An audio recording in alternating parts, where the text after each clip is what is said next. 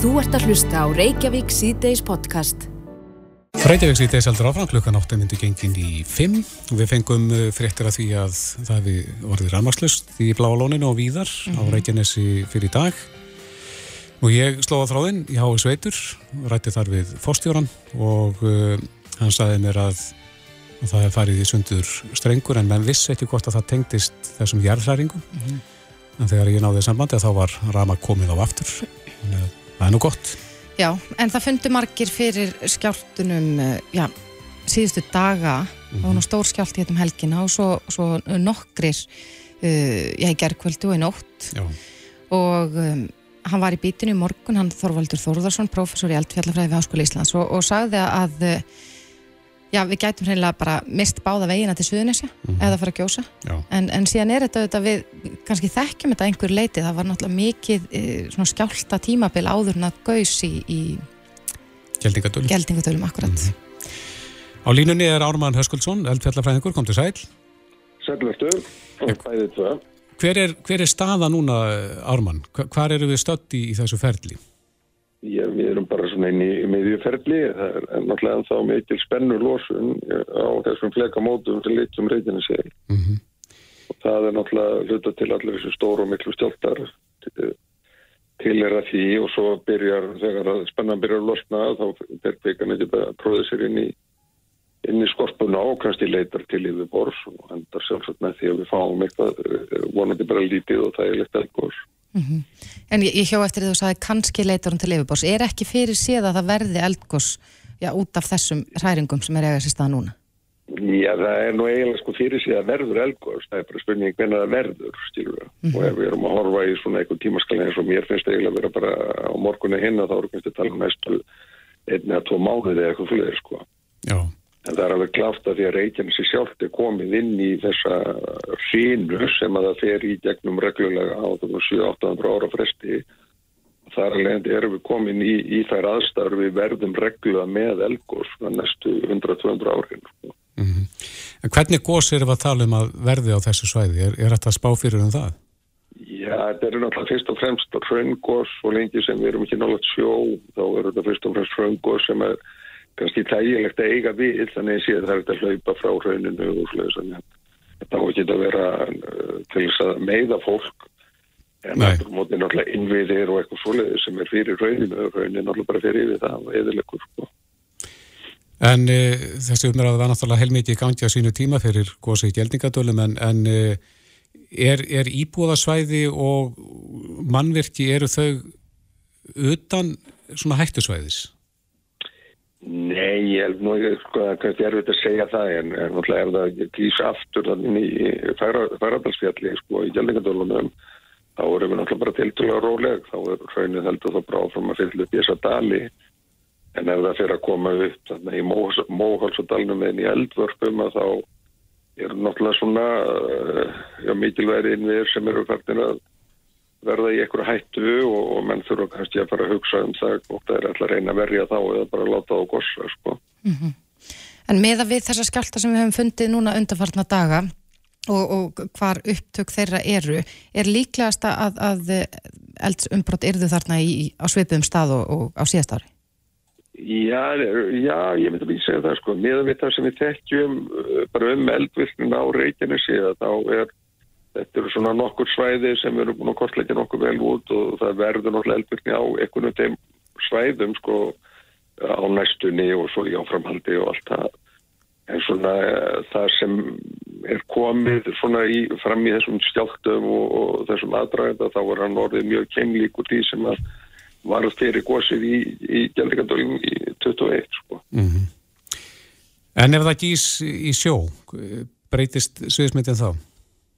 Já þá fáum við meira af ösku sem er svona kvimleitt og svona fellur út um allt og svo fíkur hún til og, og verður svona og það getur haft einhver áhrif á flugvöglinn og, og svona já hefur náttúrulega áhrif okkar daglega í því það verður náttúrulega rík út um allt og leiðindi mm -hmm. Hann Þorvaldur Þórasson kollegi þinn hann hefur nú sagt að við þurfum að, að sennilega að já, venjast þessu að, að nú sé hafið eitthvað svona tímabil sem að gæti spannað yfir mjög langan tíma en, en það er kannski erfitt fyrir okkur að, að horfa ykkur, ykkur hundruð ár fram með það tilbaka. Telur þú að svo sé að, að þetta sé bara nýtt tímabili að hefjast á Reykjanesskánum? Já, ég held að það sé alveg klárt og þetta tímabili er kannski öðruvísi heldur en önnur sem við höfum upplifað eins og eiga eldar og, og kröplu eldar og þetta stóð ekki nefn í eitthvað tíu ár, eitthvað fleðis. En nú erum við að horfa á uh, sko eitthvað fyrirkomulega sem getur varað sko næstu 200 ár. Þannig að næstu kynsluðir þurfa bara að, að venja sig við þetta. Bara þegar þú ferður út í búða þá bara sprettur upp gígur eitthvað starf og byrjar að æla raun yfir sko. Mm. en við erum alltaf með mjög góða mæla. Með þú stofn fylgist mjög vel með þannig að það var náttúrulega alltaf að vera góðu fyrirvari. Og meðan þetta er á landi og, og semst á reikinu þá er þetta aðeins raun Þannig að það er svona, svona verstu atvíkinn, það er uh, hús og innviðir, vegir, ramaslínur, vassleðslur og versmir og eitthvað svolítið sem getur orði fyrir hröndflóðin og stjæm. Sko. Einmitt. En tekur undir með, já, tekur undir með kollegaðinum Arman að það þurfa að fara að huga að mittilandafluginu, að hafa eitthvað svona varakosti? Já, ég held að meðan þurfum aðeins að hugsa það eins og hann er bent á við erum náttúrulega, sko, túrismi skiptir landið miklu máli og svo flytjum út náttúrulega heilmikið af ferskum fiski sem fer allt í gegnum hennar flugvöld og, og það er náttúrulega ef við þurfum að fara að loka þessum flugvöldi í einhverja vikur mánuði að þá er hættið að þjóðabúið verði fyrir svona einhverjum fjárhastlegum áföllum, sko. Mm -hmm. En, en eh, Ármann, eigum við að búast því að muni skjálfa næstu daga eins og við höfum fundið að undarförnu? Já, ég held það. Ég, við getum alveg að rekna með því að það, þetta var í einhverja daga og, og, og eh, já, og svo fennum við að stýttast í góðsið bara. Já, en eru líkur á stærri skjáltum? Ég, sko, ég held nú ekki að vera mikið stærri skjáltar. Þetta er rúmlega fimm, það er svona bara einkennandi fyrir svona flekamót og að vísu hafa með mér að tala um að það gæti að það fær upp í bláfjöld þá gæti orðið stærri stjórnar en, en þetta er nú einskorða við þarna kleifavatn og, og vesturúr sko. Já, einmitt við höfum augun opinn Ármann Höskoldsson, alltfjallafræðingur kæra þakki fyrir þetta. Já, takk sem er þess. Þú ert að hlusta á Reykjavík C-Days podcast. Við ætlum að halda áfram aðeins að, að ræða jarðhræringar mm -hmm. eða allavega hluti uh, tengdum þeim en Þorvaldur Þórðarsson, uh, eldfjallafræðingur sagði í bítinu morgun að veri skynsalegt að byggja annan alþjóðaflugvöld, fjarrri keflauguflugvöldi og hann Ármann Höskuldsson sem við rættum við hérna rétt á hann tók nú undir það og sagði að það væri ja, mjög slæmt fyrir þjóðarbúið ef við þyrstum að loka keflauguflugvöldi til lengri tíma mm -hmm. Og fyrir nokkrum árum síðan að þá fórum hennar stað með já, svona alvarlegum undir tón að kanna möguleika að reysa alþjóðaflugvöld á Suðurlandsundilendinu mm -hmm. og nú er spurning hvort að menn eh, fara að hrista og dusta reykið af þeim teikningum. Akkurat. Hann er á línu hjá okkur, Andri Björgvin Arþórsson lögfræðingur og fulltrúið þróunarfélags um alþjóðaflugvöld í Árborg. Komdu sæl Andri. Komið sæl. Er þið byrjað að dusta reykið? Um, við skulum allavega segja það svo að það er fullt, fullt af fólki sem er búið að hafa samband við okkur mm -hmm. og ég myndi spyrja hvort það sé ekki orðið tímabært bæðin núna og, og líka þegar Elgósi var í Fagrafjalli ja. eða Fagradalsfjalli mm -hmm.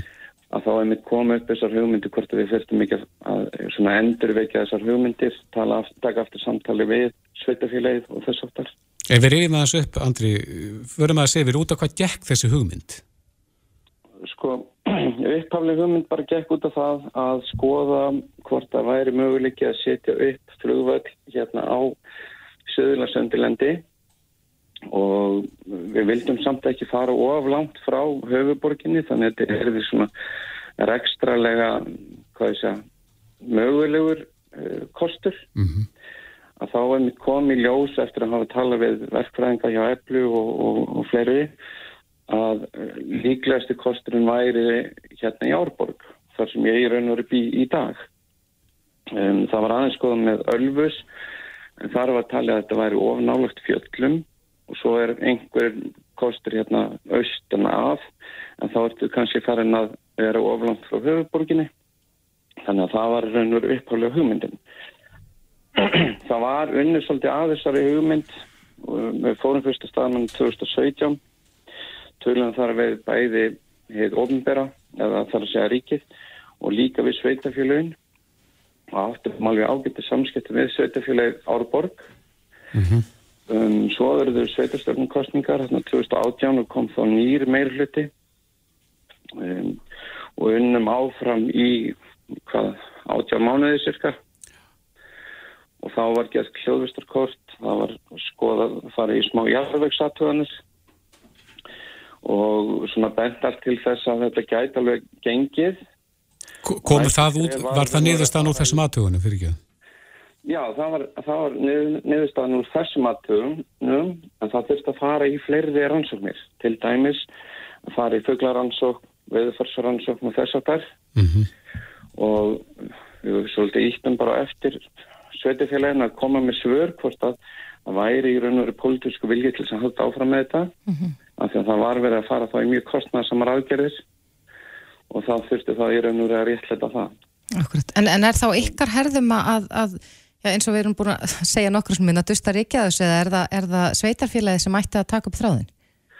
Sko alltaf sé ekki okkar sko eða bara í, í sam, saminningu sko. Um, ég sé alveg fyrir mér að taka um, óskæfti fundi með bæjaráði og, og sveitastjóra og sjá hvort að það hafa áhuga á að taka upp aftur planið og sjá bara hvort þetta sé möguleiki. En það sem að liggur alveg fyrir er að það þurft að fara í þess að rannsóknar vinnu og, og ég sko miður við hérna, það sem Áramann sagði áðan og Þorvaldur sagði fyrir morgun að þá held ég að væri mér skynnsamlegt af bæði ríki og sveitafélögum að koma að þessu þannig að það sé að vera með alla undirbúning sem er tilbúna þegar og ef eitthvað gerist. Akkurat. En, en segjum sem svo að allar þessar aðtóðanir já, skili góðri niðurstöðu á þá leiða að það væri hendugt og, og uh, í lægi að hafa flugvöld þarna. Hvað tímaramma erum við að tala um? Hva- Hvað tekur langan tíma að byggja heilan alþjóðflugvöld? Þetta, þú veist það, ég held að við sem alltaf að horfa á 79 ár að gera þetta alveg frá grunni en ég veit ekki ef að ef þessi pólitísku viljið til þess að drífa þetta í gegna þá ætti það vendilega geta gerst skemur en það er kannski bara frekar hins og ofinbæra svara því sko. Er nægt land, er þið með eitthvað sérstætt land í huga undir þennan völl? Þegar þetta var skoðað hérna í Árborga þá var hérna Stokksera-mýrin Er það svæði milli Selfoss og Stokserar? já Mm og þetta er land sem er að mestu leiti í eigu ríkisins og sveitifélagsins Þannig að það eru hæg heimatökin. Ég, já, þannig séð sko. En ég, þegar við vorum að, vinna í þessu, þá fekk ég ekkert nema svona meðbyr og allir bara, veist, þetta er alveg borðlegjandi og heyra frá flugmönnum og öðrum allt í kringum okkur að þetta væri bara frábær hugmynd. Mm En mín áskynun var síðan svo að, að hérna, þeir fengu sveitarfélagi var að fá neikvæður að þetta. Frá hverjum það helst? Væntalega bara frá íbúum og svo þess. Já. En þetta er bara eins og allar stóra framkvæmdir eru umdældar og veist, bara eins og þið viti kannski með miðbæðin hérna á Einmitt. að veist, það munaði nú ekkit miklu að það hefði bara honum hefði verið, veist, ekki verið haldið áfram með framkvæmdir á miðbænum. Mm Þannig að auðvitað er þetta umdeilt en ef litið er 10, 20, 30, 40 ár fram í tíman að þá held ég að þetta séu skinsamlegt en sett síns hverjum með það kannski. Já. En mér heyrist áður að þið ætlið að óskæftir fundi með sveitastjórninni eða bæjastjórninni. Já, ég held að það væri bara skinsamlegt sjá hvað, hver þeirra ástæði er að því að nú náttúrulega komið nýr meiri hluti þannig að, að það tók við núna bara í, í hérna, frá 14. mæ þannig að það má vel vera að, að nýr meiri hluti sjá, sjá þetta öðrum augum heldur en fráfarandi meiri hluti. Akkurat, það verður spennandi að fylgjast með þessu og, já, miða við ástandi sem er núna þá á kannski ekkit endilega að draga lappirnar með þetta. Nei, það er okkur, það er alveg hárétt sko. Ég held að væri bara svona öryggismál að, og ekkert endilega bara kanna þennan eina stað. Þetta kanna kannski 2, 3 og 4 staði hérna á Suðurlandinu um, og bara til þess að vera bara tilbúin. Mm -hmm. Ef þetta fer alltaf stað og eins og Orman sagði á hann, veist, ef þetta sé einhver týjur eða jáfnveil hundrið ára. Nefndi 200 ár. Já, mm -hmm. þá held ég sé bara skinsanlegt að að vera búin með þessu grunnvinnu þannig að séu þetta að grípa fyrr inn í ef allt fer á vestafeg. Var ekki hérna bresti hérinn í setni heimstjörninu búin að gera ykkurar rannsóknir hérna á þessu svæði? Breski hérinn var náttúrulega með flugvill hérna í Kaldaðanissi. Já. Og mér skilst að sá flugvillur var bara í uppbyggingu þangar til að alveg á í raun og veru flætti upp fyrir og yfir flugvillin á sín tíma. Mm -hmm. Þannig að en þetta er á öðrum, öðrum stað heldur en Kaldaðanis. Akkurat. Og, en, en já. Já, við segjum bara gangi ykkur vel með þetta Andri Björgvin Artúrsson, lögfræðingur og, og fulltrúi þróunarfélagsum Alþjóðaflugvöll í Árborg. Kæra þakkir. Þakka þér. Þetta er Reykjavík C-Days podcast. Jæja, klukkan tíu myndi gengin í 6 og við ætlum aðeins að snú okkur af EM Kvenna sem er nýlókið. Já, uh, England segir það. Mm -hmm. Þjóðverða. Akkurat. Og uh, það er svona margir búin að vera svolítið að spá í, já, má segja, jafnbrettinu Mm -hmm. í þessu. Nú voru slegin met, áhorfenda met. Já, Við hljótum að, fagna því að fleiri séu farin að fylgjast með kvennaboltanum. En uh, það bárast eins og að fréttir af því í daga að uh, ennsku landsliðskonurnar sem að, voru þarna að færa þjóð sinni EM-gullið er, er að fá 55.000 pund í bónusgreðslu. Þetta eru 9 miljónir í íslenskum krónum og, og í fréttin á vísi.is var þetta borið saman við launin hjá Cristiano Ronaldo sem að fær þessa upphæð á hverjum degi einmitt. og margir reyka upp stóra augu en, en það er spurning líka hvort það sé munur í bara peningurum á bakvið mótin og, og Já, svona almennt bara Já. í kalla kvennaboltanum. Björn Berg Gunnarsson er komið til okkar uh, frá Íslandsbanka sem að þekki nú, ég teldi stöður í greiningar og fræsli hjá Íslandsbanka sem að þekki nú peningamálinn hans í vel þegar ég kemur á fótboltanum. Þú aðeins búin að stúta þetta. Svona aðeins, já. En það er náttúrulega heilmikill munur þegar það kemur að, að launum stærstu stjarnana í kvennaboltanum eða kallaboltanum. Já, það, það er gríðarlega mikill munur en hann er, hann er að breyta svolítið, ekki, ekki endilega kannski munurinn á launum þeirra hæstlaunuðu í sikkur íþrótunni heldur er, er kvennabóltin að breytast mjög mikið þá þannig að það eru bara miklu, miklu fleiri farin að geta gert þetta sinni atvinnu.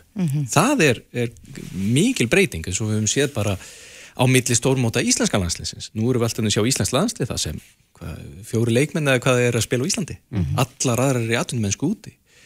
Og, eh, en, en þessi munur sem þeir eru að tala um, til dæmis á bónusgreislunum sem ennsku stelpunar fengu á móti uh, launanum hans Ronaldo, uh, þær eru svolítið gott dæmi, þær sína hvað munurinn er samt sem áður, uh, geysilega mikill á milli þessara, milli kynjana í fótboltanum, um, þrátt fyrir að þetta sé ekki hærri upphæðir en þetta sem að, sem að ennsku leikmenninni voru að fá, þá er það samt mjög stór hluti heildar verðluna fyrir sem ennska knansmyndusambandi fekk fyrir þáttöku á mótinu. Þannig að þær eru að taka stóran skerf í formi bónuskreisluna en það eru þó ekki hærri fjárhæðir en þetta. Nei. Uh, vegna þess að þrátt fyrir að Evróska knansmyndusambandi hafi uh, aukið mjög mikið, að gefi mjög mikið í rauninni og öllum sviðum sem tengjast uh, þessu Evrópumóti, varðandi alla fjárhæðir og, og, og svona hvernig þetta hefur verið fært nær karlamótunum, þá er þetta samt í algjöri mýflugumynd ennþá. En þetta tiltekna mót og hvernig reynslan er að því, núna þegar það er búið við getum sest aðeins yfir þetta, gefur tileitin til þess að vera gríðalega bjart sína framhaldið, mm -hmm. varandi kvennaboltan.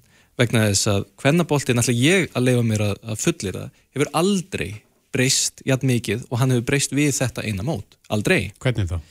Uh, vegna þess að það sem þeir eru að tala um varandi áhórundumett uh, það er bara mýta sem er núna fullkomlega búið að gera út um að fólk mæti ekki á kvennaleiki það hefur sannað sér núna í vetur er fleiri leikir, það hefur verið fullur uh, völlur og nú kamp í Barcelona fullur Wembley fólk mætir á leiki miðaverðið var miklu læra á þessu mótin á karlamótunum en samt sem áður, það er ekki það sem gerir sem ræður því endilega hvort að þú ákveður að fara á stórleikið ekki. Uh, áhorfið í sjónvarpinu um, það er ennþá þannig að, að uh, það er um 20 falt fleiri sem að horfðu til dæmis á síðasta Evropamót Karla en horfðu þetta Evropamót Kvenna en við erum samt að sjá næst í hvað tíföldun á áratug á, á stórmótum Kvenna í áhorfi geysilega miklu aukning þar.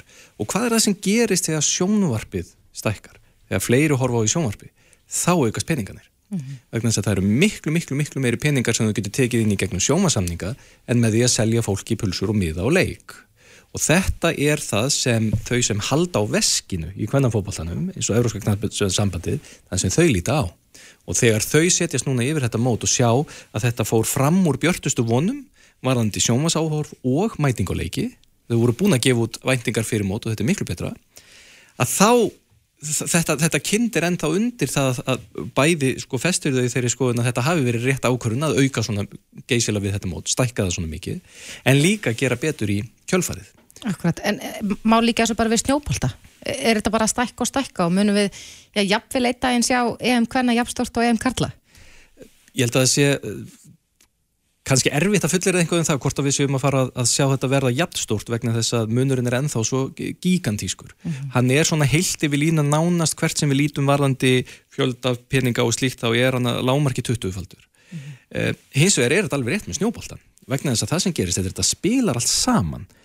Hvað, á, áhugi okkar á íþróttum hann fer mjög mikið eftir því hversu mikið er rættunar í fjölmjölum við komumst ekki hjá því mm. allt í nörður bara fullt af Íslendingum farnir að vita hvað einhver heitir sem er að kasta pílu í spjál það er bara því að það er verið að fjallum pílu í, í fjölmjölum og þetta verður vinsælt mm. og e, eftir því sem að, að e, þetta síðasta mót vekur lukku meðal áhóranda og sjónvanstöðvar geta selt auglýsingar og slíkt þá vilja þær borga en þá hæra verð og þá verður meiri samkeppni um að kaupa næsta mót mm. Hvað býr til tekjunar sem, sem að eru síðan notaðar til að, að greiða íþróttamennunum? Það er aðalega tvent. Það er að, annars vegar salan á þessum sjómasrétti mm -hmm. sem fyrir 10, 15, 20 árum var bara var ekki til uh, í hvernamótum. Það var ekki verið að selja þetta, það var verið að byggja sjómastöður um að sína nánast, síni hvað við erum komið langt. Nú er þetta orðin alvöru verðmæti sem síðan seitla í það að gera ennþá betur úr þessum mótum og greiða jætmjöld á leikmunum og liðum meira. Hínlegin er svo að selja auglýsingar og, og þessi, þetta gríðala markasbattir í sem stórmóti í, í knaspinu almennt eru.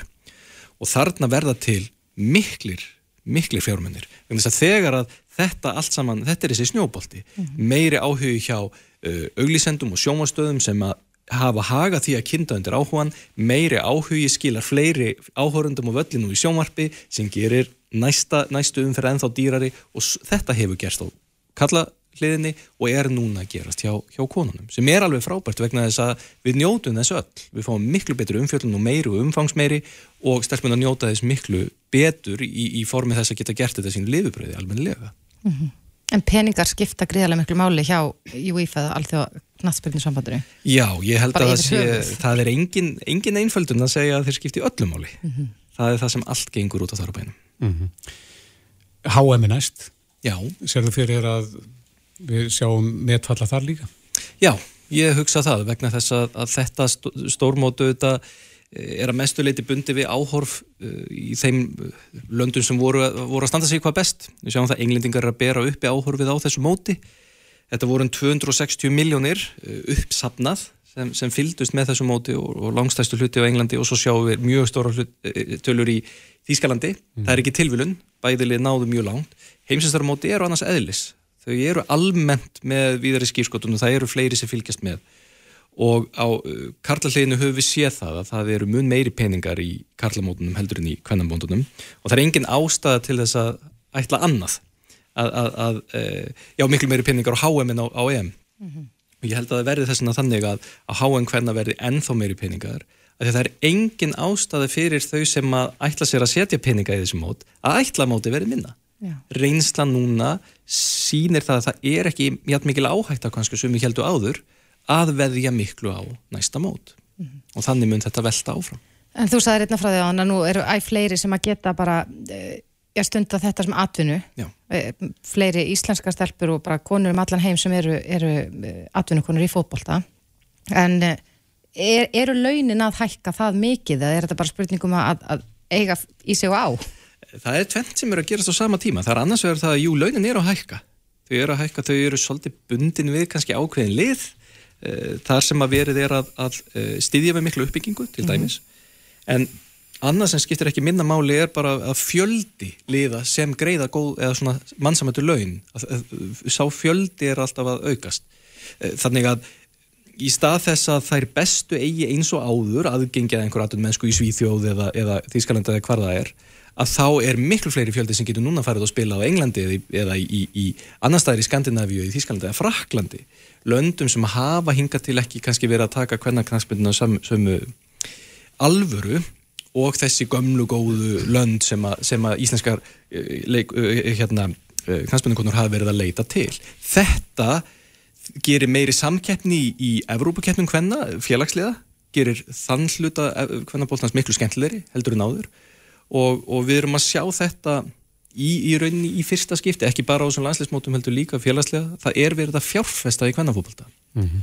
og það gerir íþróttuna betri og það gefur miklu meiri tækifæri. Einmitt, snjóboltni farnast það. Algjörlega, já. já.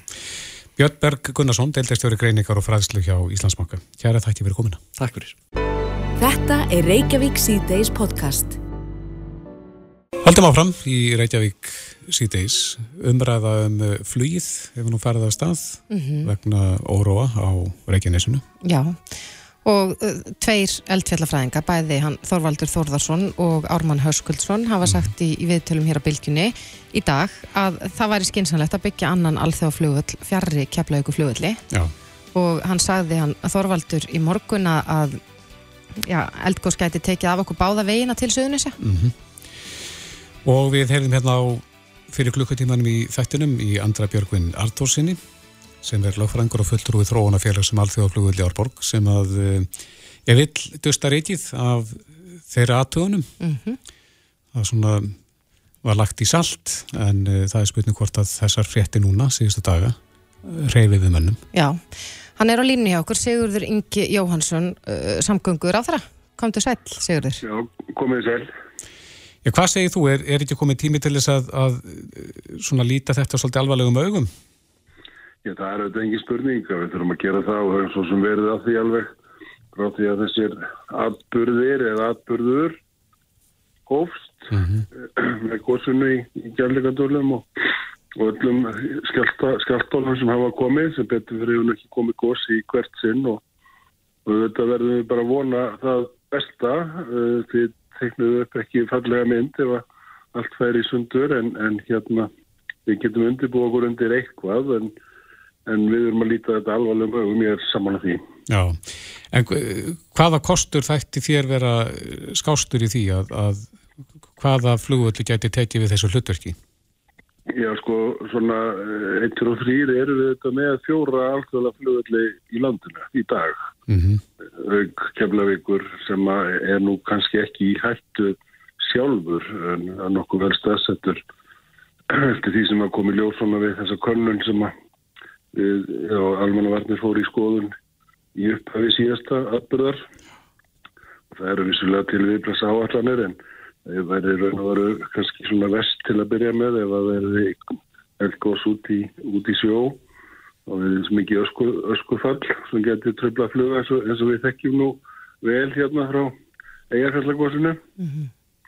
en, en önnur hætta er ekki fyrir Keflavík en, en til ef að það er þarna mikið gos í framtíðinni að, að sem að myndi smátt og smátt ógna vegakerfinu þá þá erum við vissulega með, er ekki flugöld sem var að flugöld og við erum með Akureyri og Eilstaði og við höfum verið að leggja áherslu á það núna á síðustu árum að byggja þessa flugöldir upp sem hluta af flugstefni í landinu mm -hmm. en til lengri tíma ef að, ef að við erum að fara að horfa á einhverja dramatíska atbyrði sem við getum ekki haft stjórn á þá þurfum við kannski að fara að horfa til einhverju umbyggingar en hún tekur þetta greiðarlegan tíma. Akkurat. Sérsfræðingarnir hafa nú sagt að við þurfum reynilega aðlagast nýjum veruleika að, að eh, nýtt góst tímabil sé hafið og, og að það muni ég eppil vara í 200 ár þannig að við erum vissulega að horfa til framtíðar. Já, algjörlega. Það hefur verið unni sem er samkvæmt þessu plani með flúvelli að það þurfi að vera tveir uh, sem sagt alþjóðlega flúvellir með aðra þá fyrir hvort annan eh, sem sagt vestan megin helli segðar það hefur unnið út frá þeirri fullirringu og, og hérna ef að tróunin verður eitthvað í aðra átt þá þurfum við kannski að fara að skoða aðra hluti Dustaríkið af því sem að sem að við nefndum með flúvöldin eh, hérna nýri Flóa eða sunnan við Selfos mm -hmm. líka hugmyndir með flúvöld í Rangavallsíslu það sem er meira plás nefnum ekki gleyma því reyndar að, að það er líka ákveði náttúru á hér sem er þá stóri járskjáltar veit ekki hvort ég var að treysta því að þeir komum bara 100 ára fresti þannig að þessi allavega 100 ára friður með það, ég veit það ekki. Nei. En eitt veit ég að við allavega búum á Íslandi og verðum að við erum öllu búin hvað, hvað náttúruna varðar og gera það sem við getum til þess að bregðast við og til að byrja með myndið við auðvitað efla þessa alþjóðaflugulli okkar sem sagt akkur er í eigilstaði um, tryggja Reykjavík til, til skamstíma byggja þar upp flugstöð. Uh, og það er eitthvað sem við getum gert til skamstíma allt þetta. Og ég held að þetta það væri svona mikilvægt ef við horfum á flýið til skemmri tíma og, og vona auðvitað að það kom ekki til hérna slíkra atbyrða þarna söðu frá að, við þurfum að fara eittur og þrýra að einhenda okkur eitthvað annað því að það, það, það, er, auðvitað mjög, það er mjög stór viðbyrður. Mm. En Sigurður, hann eh, Andri Björgvin Arþórsson fulltur úr þróunafélagsins, þarna varðandi alþjóðflugulli Árborg Já, hann vil eh, funda með bæjarstjórninni í Árborg tekur undir það, stiður það? Já, já, ég meina ég veit að þeir gera það. Þeir komið til mín á sínum tíma þegar þeir voru að, að hérna, hefja þessa skoðum og ég held að það sé alveg sjálfsagt mál. Það sem hluti af einhvers konar áhættu greiningu og, og svona og að meta hvað sé hægt. uh, við höfum verið að skoða það uh, núna um nokkurt skeið uh, samkvæmt þeim skýslu sem hefur gerðar áður hvort að kvassarhraun kemur til greina.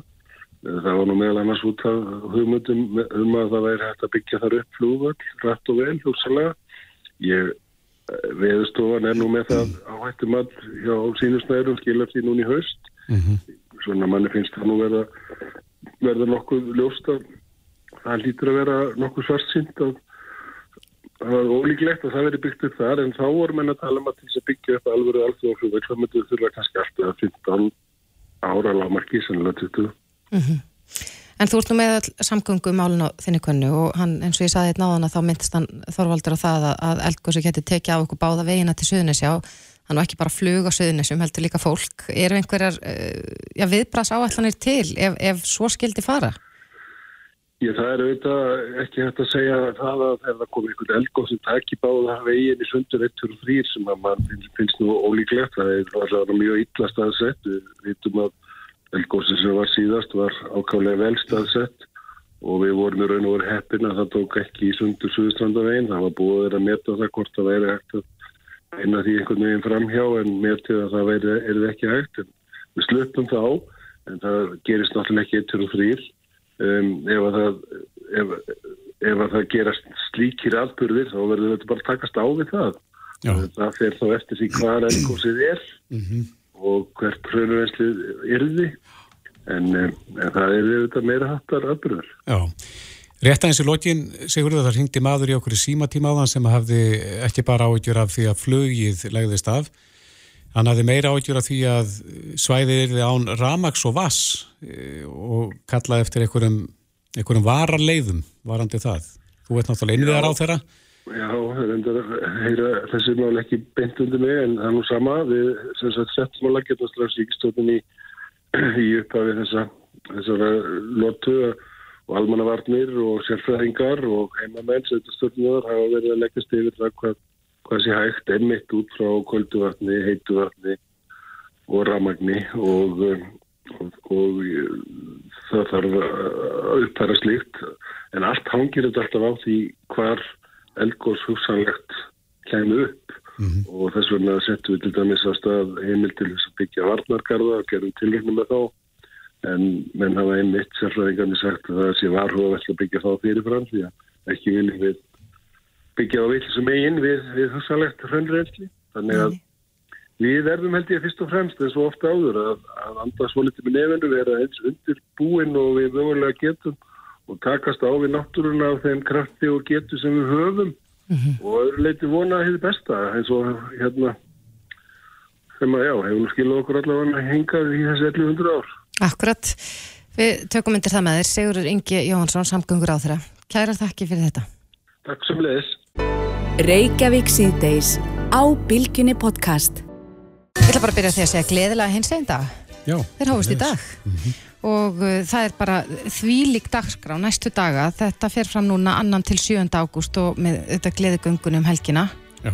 sem ég vona sem flestir mæta á en uh, ég held að þessi versta huga eins uh, já, að bara réttindum hins einn fólks. Þetta hefur verið mikið til umræðu upp á síðkasti hvernig margir upplifa einhvers konar bakslag í þessari baráttu og við höfum rætta hér í þessum þætti og, og, og maður hefur bara séð á samfélagsumræðinu hvernig æg fleiri er að stíga fram og segja frá uh, allskynns ofbeldi og fleiri sem að, já, átt, hefur átt sér stað hér á landi sem og annar staðar.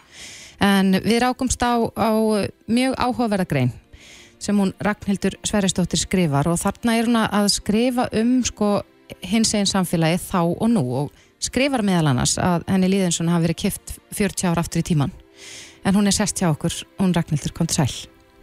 Kom með sæl.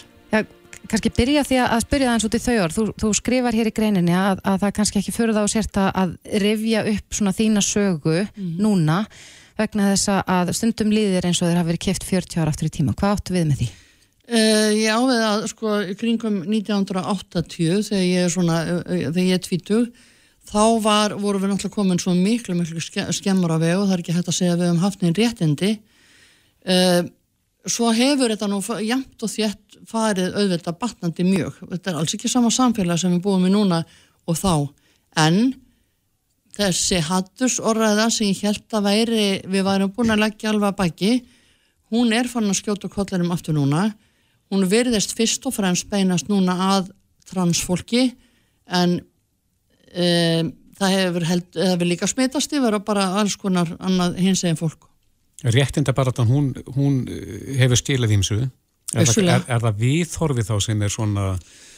Já, það er eins og sé alltaf ógnun þegar koma fram einhverjir aðrir hópar transfólks. Það má ekki, það er svona samfélag getur sætt sér við um, ef það er til eitthvað sem heitir í hefðbunnu homi eða henni klassíska lesbíða, ég veit það ekki helst svona bara einhvern sem fellum vel að samfélaginu eins og við viljum hafa það bara slett og fellt. Mm -hmm.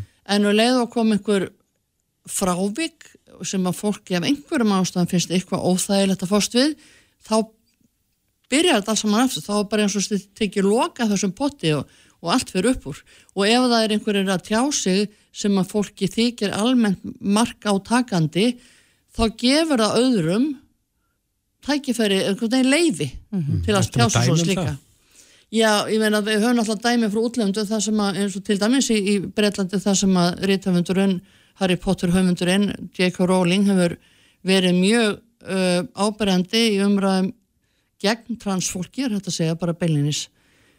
Þegar hún er búin að segja hlutina þá er miklu minna mál fyrir aðra að taka undir, hún er átrúna að góða margra mm -hmm. og fólk sem að hinga til að því við vitum alveg að það er flestir til er að hérna stóra þöggla meira hluta við höfum talið stöðan að vera þá að þessi stóri meira hluti standi með okkur í þeim hóp er hins vegar líka fólk sem bara þeir vegna að það er ekki samfélagslega viðökjent að vera með hattursóraður gagvart hins eginn fólki þetta fólk þegar málsmetandi fólk og ég vonaði að maður heirt gæsalappinar þannig að það tjáði sig. Þá telur þetta fólk alveg bara ok, ok, þetta má.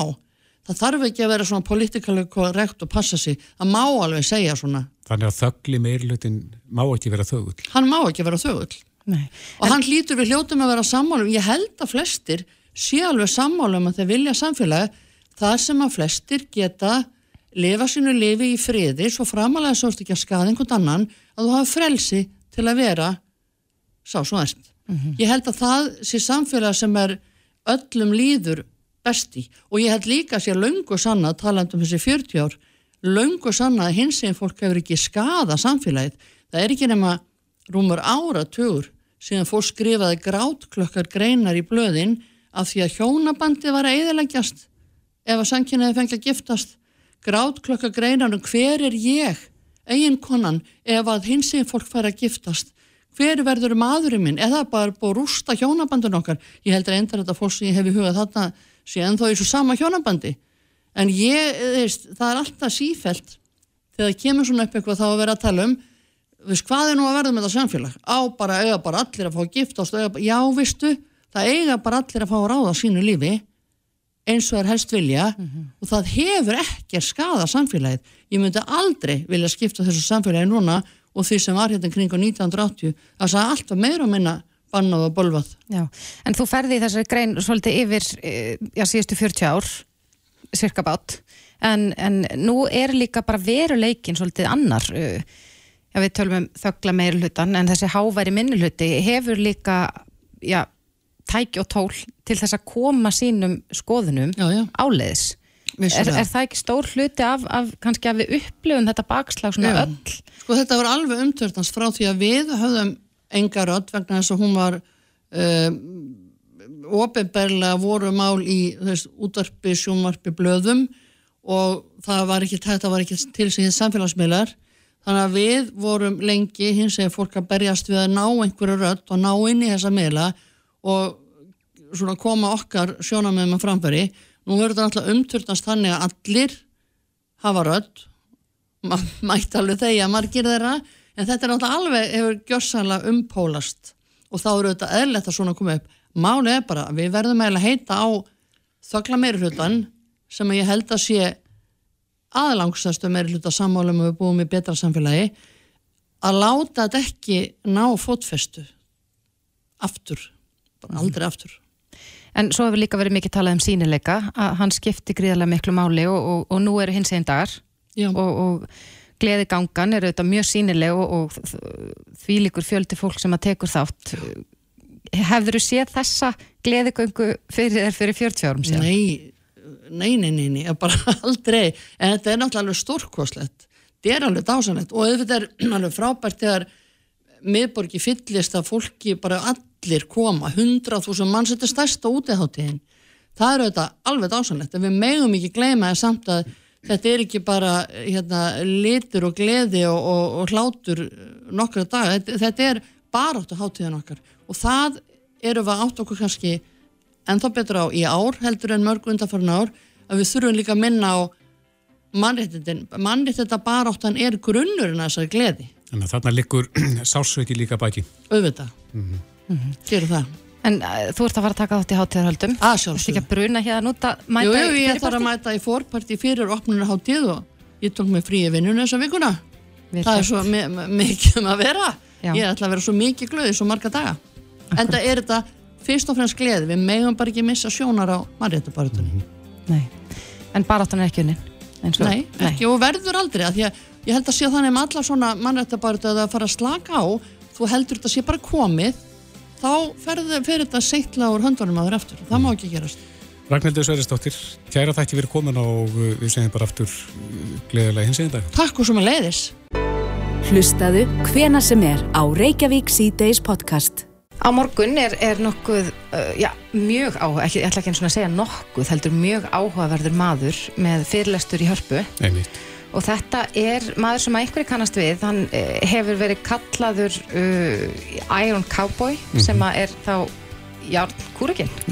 Ég held að ég sé bara því þetta hér og nú. Bara beinþýðing. Akkurat, en hann heitir James Lawrence og hann er, uh, já, afreikaði það að, að klára 100 járnkalla eða Ironman á 100 dögum.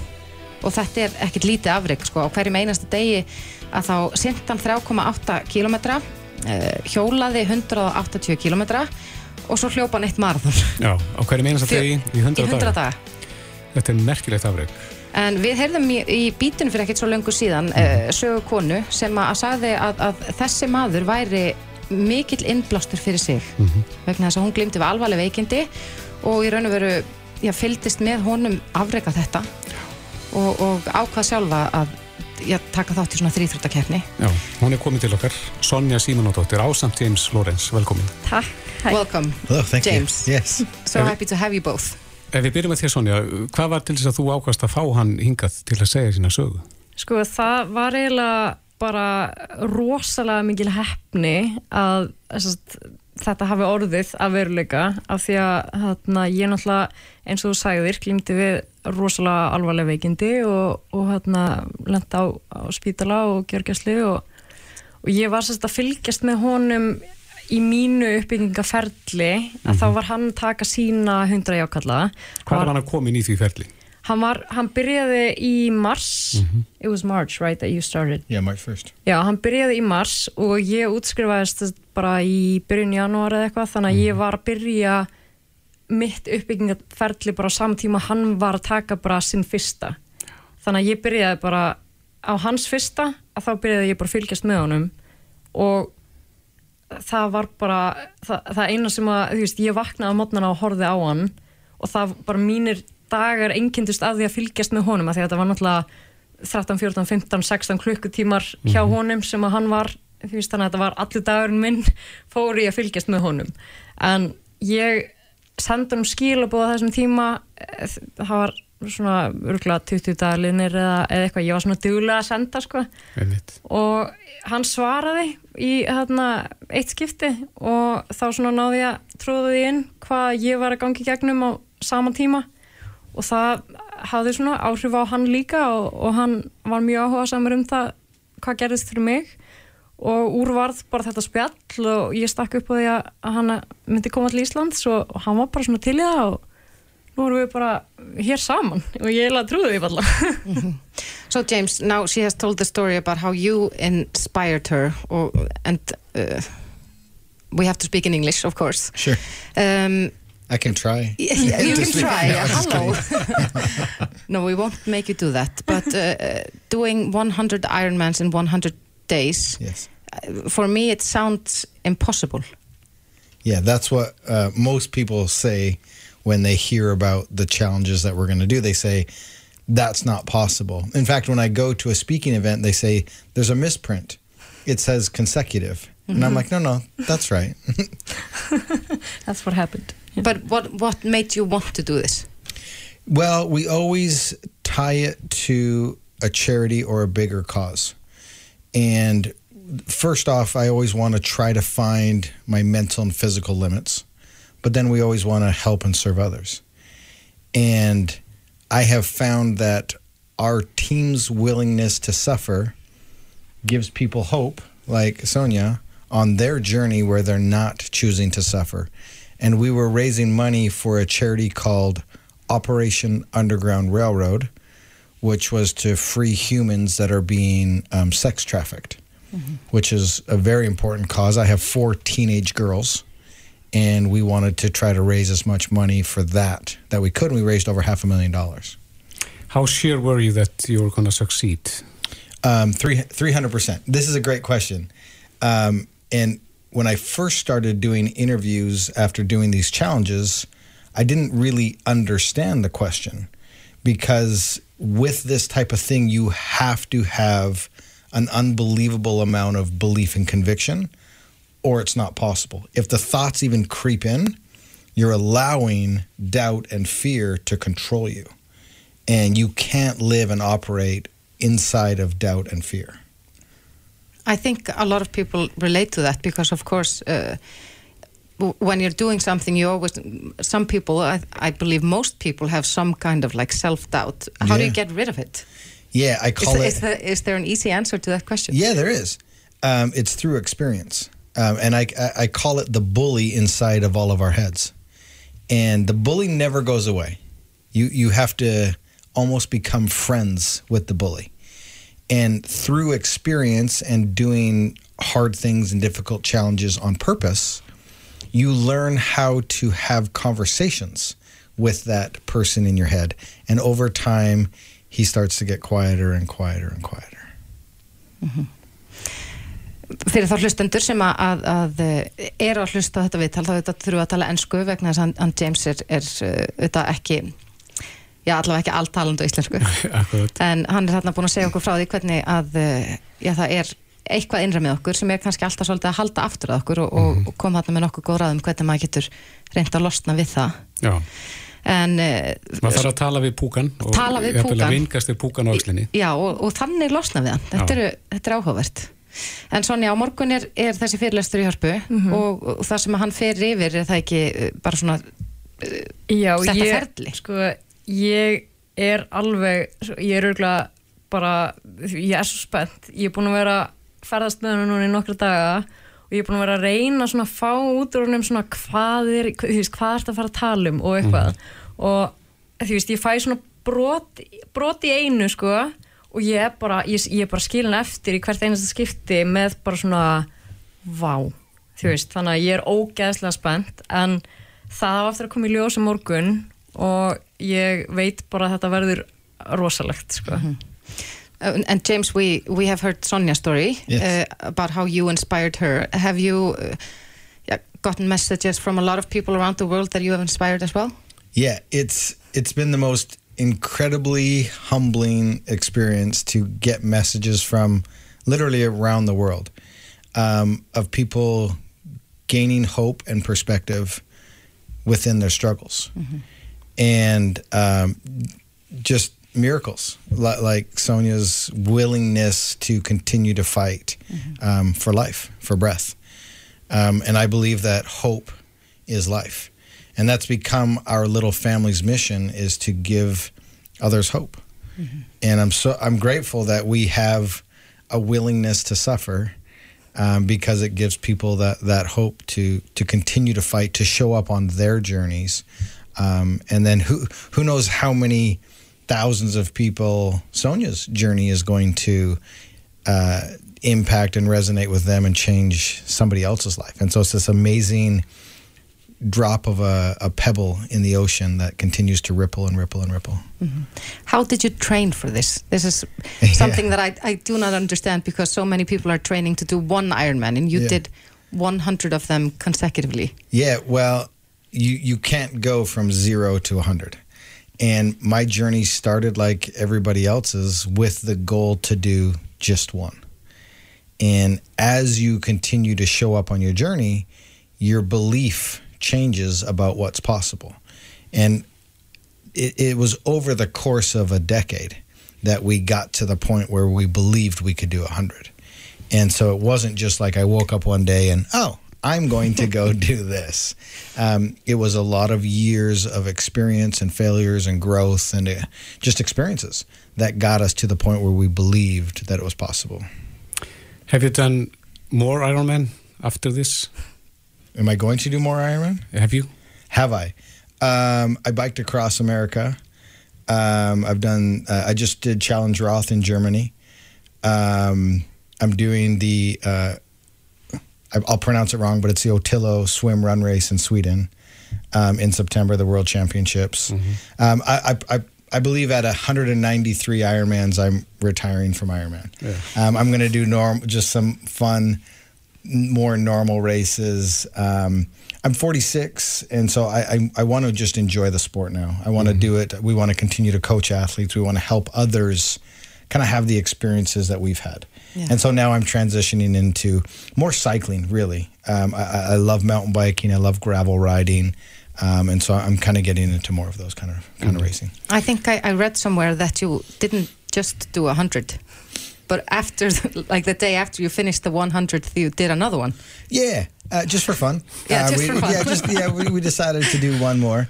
Um, you know, it's it's interesting. I believe the the 101 um, holds more significance than the previous 100 for what it stands for and what it means. Uh, as as a society, as a population, as a as a community, we're struggling. And I thought, you know, because my job now is to go around and speak and tell stories on stage and and to share our journey. And I thought I would be a hypocrite if I got on stage and said, "Look, I know you can do one more." Without having done it myself. And I believe that leaders lead from the front, and they set the example. And I've got five kids, and so it was it was more of a teaching moment for my children um, than anything else. Because trust me, I did not want to get up and do do one more after a quarter of a year. 14,000 plus miles. I mean, that's the last thing I wanted to do. Did you Um, do anything else at that time? Like just during the 100 and- Ironmans? Yeah. No, no, there's it, it's it's such chaos. Um, you're either eating, racing, or we're trying to figure out how to recover. Mm-hmm. Uh, it it becomes the only thing you're doing, for sure. Uh, Sonja, er, eru ennþá lausið miðar? Ég veit að hann náttúrulega margi vilja sem verður hann að koma sér í þetta hugar ástand vilja Já. kannski heyra það sem hann hefur fram að færa Já, það, það, eru, það eru alveg fáir miðar eftir en ef, að, ef fólk svona drífur sér núna þá getur það náð síðustu með honum Já, hvar gerir það það? á tix.is og líka það er hægt að kaupa með á harpa.is en já, Já, á morgun Sonja Símonandóttir og James Lawrence Thank you for coming Yeah, thanks takk for fyrir having að fá us. okkur Reykjavík síðdeis á Bilginni podcast.